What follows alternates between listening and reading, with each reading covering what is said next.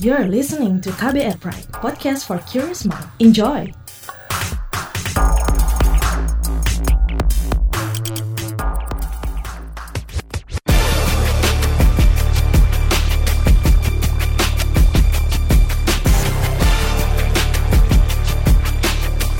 Cek fakta, cek fakta, cek fakta.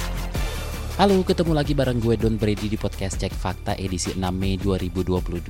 Kita bakal bahas top 3 hoax of the week yang beredar dari tanggal 27 Mei hingga 3 Juni 2022. Hasil periksa fakta dengan tingkat engagement paling tinggi pada akun Instagram at turnbackhoaxid bersama Aribowo Sasmito, co-founder dan fact-check spesialis masyarakat anti fitnah Indonesia Mavindo. Podcast ini bisa Anda simak di kbrprime.id setiap Senin dan di aplikasi podcast lainnya. Number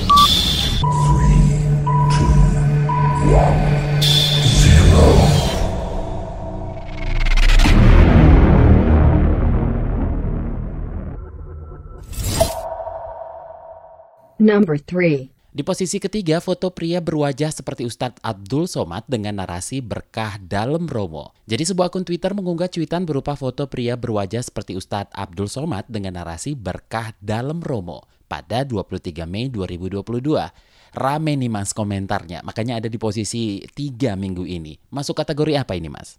Peringkat ketiga, ya Mas Don, rame memang tipikal yang seperti ini meskipun sebetulnya kategorinya itu tidak ada pelintiran konteks 5W1H atau ASDI Kamba apa siapa di mana kapan mengapa bagaimana jadi itu tipe pelintiran atau hoax atau informasi salah yang lebih rumit ya. Jadi kalau ini kan masuk ke kategori konten yang dimanipulasi manipulated content. Jadi biasanya itu harusnya sudah cukup sederhana karena tidak ada pelintiran konteks umum atau awam. Itu cukup paham bahwa ini salah karena suntingan, salah karena editan, selesai titik. Tapi biasanya bahan dipakai itu memang sengaja mengambil sesuatu yang bisa dimanfaatkan dengan cara yang salah untuk jadi bahan ramai. Nah, dalam hal ini yang jadi biasanya sih standarnya adalah menggunakan figur publik gitu karena figur publik itu rata-rata kan punya pendukung atau penggemar yang itu berpotensi di media sosial diramaikan gitu. Nah, faktanya itu sebetulnya tentu saja ini foto hasil syutingan atau editan. Aslinya itu bukan foto Ustadz Abdul Somad atau UAS, biasa disingkat begitu. Karena aslinya itu adalah foto hasil syutingan dari foto pendeta asal Filipina bernama Ferdinand Santos. Number 2. Di posisi kedua, spanduk bertuliskan masjid ini tidak mensolatkan jenazah yang tidak membeli tiket Formula E. Sebuah akun Facebook pada 16 Mei 2022 memposting sebuah gambar spanduk seolah bertuliskan masjid ini tidak mensolatkan jenazah yang tidak membeli tiket Formula E. Nah, Formula E lagi nih mas. Kalau ini gimana nih penelusurannya Mas Ari? Betul, memang masih Formula E nih Mas Don, karena masih hangat gitu ya, masih happening, masih trending. Seperti biasa kalau di media autoritatif, media kredibel itu muncul versi berita yang betul, berita yang benar karena masuk yang sedang faktual, masuk hot issue di media sosial muncul juga versi hoaxnya, versi uh, pelintirannya gitu. Karena kalau nggak sedang trending, buat apa dibikin hoax uh, orang nggak bakal tertarik untuk nyebarin. Nah faktanya ini masuk ke kategori sama dengan yang sebelumnya. Ini sebetulnya suntingan gitu ya, e, disunting, diedit. Tapi ini lebih masuk persisnya masuk ke konten satir gitu buat menyindir.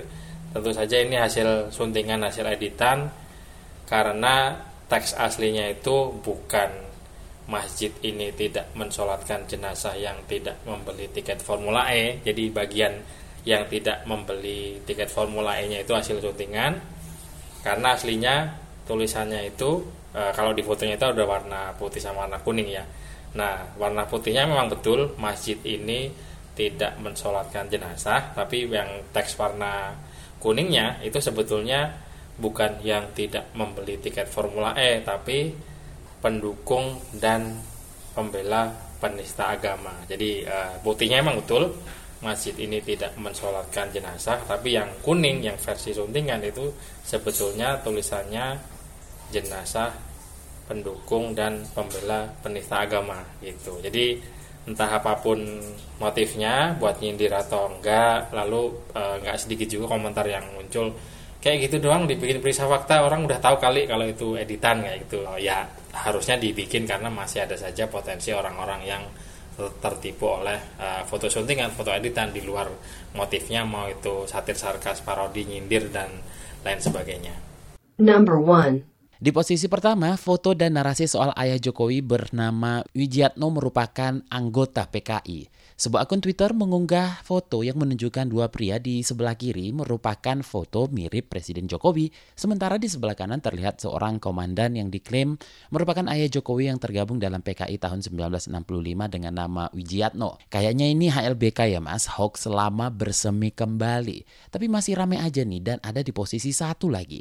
Gimana nih mas penelusurannya? Betul banget Mas Don, ini HLBK, hasil penelusurannya ini masuk ke konten yang menyesatkan Nah, LBK-nya sendiri sebetulnya di Oktober tahun 2020 dan Juli 2020 itu kalau dilihat di situs turnbackhoax.id, situs basis data atau database yang sudah memuat beberapa ribu hoax dari tahun saya ingat saya itu 2016 atau 2015 gitu ya.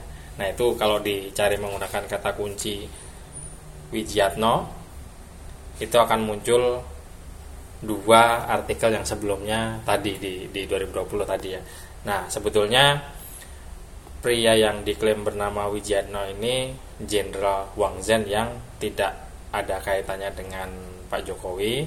Selain itu tidak ada informasi yang membuktikan bahwa Jokowi adalah keturunan PKI. Tapi sekali lagi ini berapa kali pun diklarifikasi itu akan selalu dimunculkan lagi lagi dan lagi. Makanya yang namanya HLBK mungkin kalau anak-anak Instagram komentarnya uh, mereka kan digital native sekali lagi ya mereka sudah paham mereka lebih kritis uh, makanya ini bisa naik ke peringkat satu karena ada komentar-komentar yang menyebut bahwa ya hoaxnya nggak kreatif kalau nggak PKI nyalain Cina uh, nyalain komunis dan lain sebagainya karena itu karena mereka sudah cukup kritis dan sering melihat bahwa ya tadi HLBK bolak-balik diklarifikasi dikasih uh, bantahan menggunakan sumber-sumber yang valid tapi hoax sama selalu dimunculkan lagi-lagi dan lagi yang uh, sebetulnya orang-orang pun sudah paham bahwa itu sudah pernah diklarifikasi. Itu dia tadi top 3 hoax of the week periode 27 Mei hingga 3 Juni 2022. Mas Ari, ada yang mau disoroti dari ketiga hoax minggu ini?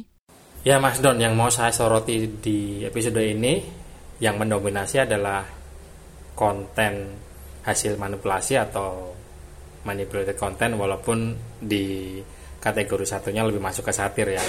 Nah, sekali lagi memang yang namanya konten yang dimanipulasi itu tidak terlalu rumit.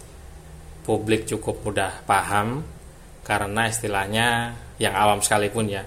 Oh, ini salah karena suntingan, salah karena diedit titik, selesai tapi kalau di media sosial tidak selesai begitu saja karena sesuatu yang harusnya udah selesai dengan uh, dikasih tahu bahwa itu editan atau suntingan dan dikasih aslinya itu selalu menjadi bahan perdebatan karena konten hasil manipulasi ini menumpang isu-isu yang sedang aktual atau menggunakan figur publik atau selebriti, artis gitu ya yang masing-masing itu mereka punya penggemar uh, mereka punya pendukung apalagi kalau tokoh politik ya masing-masing punya pendukung yang mereka itu justru menggunakan isu ini yang harusnya simpel sederhana selesai dengan ini suntingan salah tapi yang dibahas justru bukan suntingannya bukan inti dari isunya sendiri tapi meributkan hal-hal yang lain gitu. Kalau sebutannya di forum itu out lah ya out of topic membahas hal-hal yang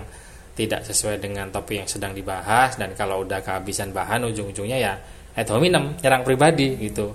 Membicarakan hal-hal yang nggak ada hubungan dengan yang dibahas dan rame di medsos e, rame itu ada artinya ada interaksi ada engagement dan yang diuntungkan justru bukan kita sebagai pengguna media sosial tapi ya pihak-pihak lain. Sebutlah uh, buzzer atau pemilik media sosialnya sendiri. Apalagi kalau dilihat itu ada tagar-tagar tertentu itu udah semakin kelihatan bahwa kalau pakai tagar itu ya sudah bukan apa ya istilah istilah kerennya itu sudah bukan interaksi belum tentu uh, interaksi organik tapi kadang interaksi yang digunakan untuk uh, mencari engagement menguntungkan akun-akun tertentu dan intinya yang paling diuntungkan ya justru bukan pengguna media sosial sendiri tapi uh, bisa buzzers bisa opinion leader bisa yang akun-akun uh, yang menggunakan media sosial untuk keperluan komersil gitu. Mereka untung kitanya buntung begitu. Jadi uh, memang akan butuh waktu untuk publik bisa terbiasa. Kalau diskusi itu ya mendiskusikan bahan yang sedang didiskusikan jangan oot tapi saya optimis sih walaupun nggak tahu kapan ya ke depannya publik akan bisa membedakan mana yang harus ditanggapi mana yang tidak. Karena sekali lagi sepuas-puasnya kita sudah mengeluarkan undang-undang sepuas-puasnya kita berdebat gitu ya eh, yang paling puas adalah justru bukan kitanya tapi pihak-pihak lain.